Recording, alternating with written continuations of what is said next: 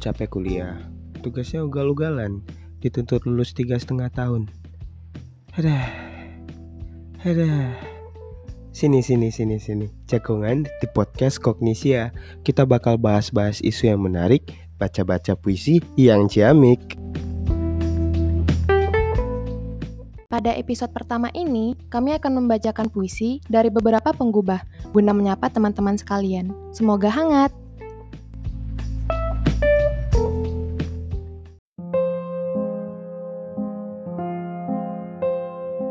Andre Septiawan, Padusi-padusi penjajah berahi di Taman Melati pukul 9 pagi. Singgahlah udah di buah dadaku yang tak seberapa montok ini. Datanglah udah sebelum matahari karam digulung ombak di pesisir barat sore hari. Tapi jangan udah langgar pantangannya. Jangan tanya berapa lusin tangan yang sudah menjamah dan menjarahnya. Jangan paksa aku membilang nama-nama yang bahkan aku pun tak diberi waktu untuk menanyakannya. Aku lapar udah, perut harus diisi. Jangan tatap aku seperti itu udah. Dalam tatapan penuh benci, penuh berahi. Aku benci udah. Aku benci menatap diriku sendiri di cermin. Ada yang berontak udah. Ada yang menjerit terpekik di pangkal rahim. Jangan berharap banyak padaku udah. Jangan. Aku menyimpan malu di lipatan susu udah. Mencoreng arang di kening. Tak ada cinta udah. Tak ada. Atau mungkin ada. 3 5 menit. 3 5 menit saja. Selepas itu apa udah? Api asmara padam. Tinggal tubuh menggelinjang di bujur ranjang. Sesekali singgahlah udah. Sebelum senja, kenali hatiku ini yang serapuh rama-rama.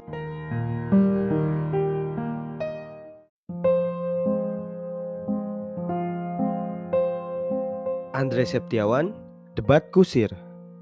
Di suatu hari Sabtu, dalam perjalanan pulang ke pangkuan ibu, kami menumpang bendi Pak Kusir yang bercerita tentang kudanya yang kembang bulu. Ini kuda bukan sembarang kuda. Kuda kembara dibawa kapal dagang dari utara tembok Cina. Kalau tuan dan puan tidak percaya, lihat matanya. Oi, betapa sipitnya. Dengar ringkihnya. Oi, betapa kantaunya. Warnanya legam arang. Surainya timpang ke kanan. Geriginya rapat balak enam. Kalau berjalan, alamak lenggoknya seperti itik pulang petang. Dengar, tapaknya tak akan hancur dimakan lumpur. Dencingnya tak akan punah di kudap sejarah.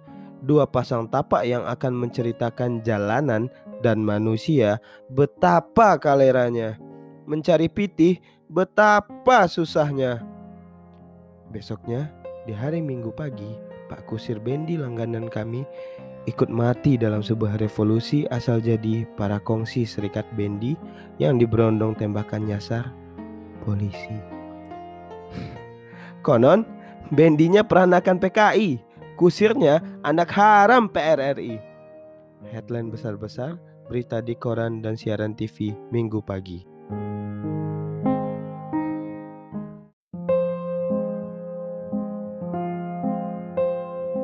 Joko Pinurbo, tengah malam.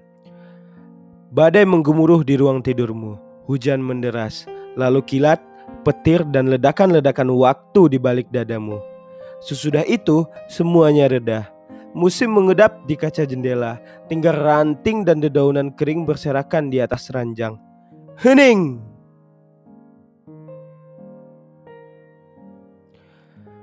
Waktu itu tengah malam, kau menangis, tapi ranjang mendengarkan suaramu sebagai nyanyian.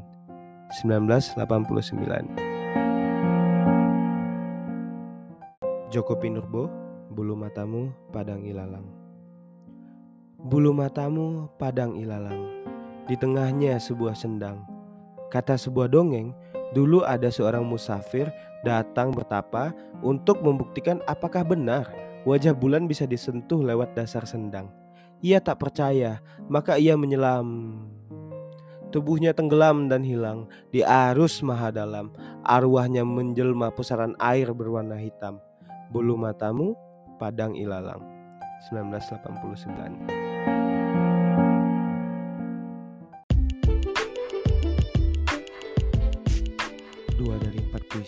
bacakan adalah Gubahan Andre Septiawan yang dihimpun dalam buku puisi Suara Murai.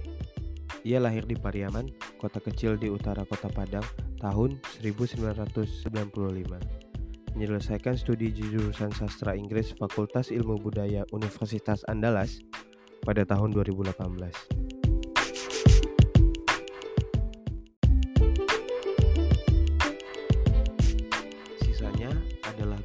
Joko Pinurbo yang dihimpun dalam buku puisi Bulu Matamu Padang Ilalang.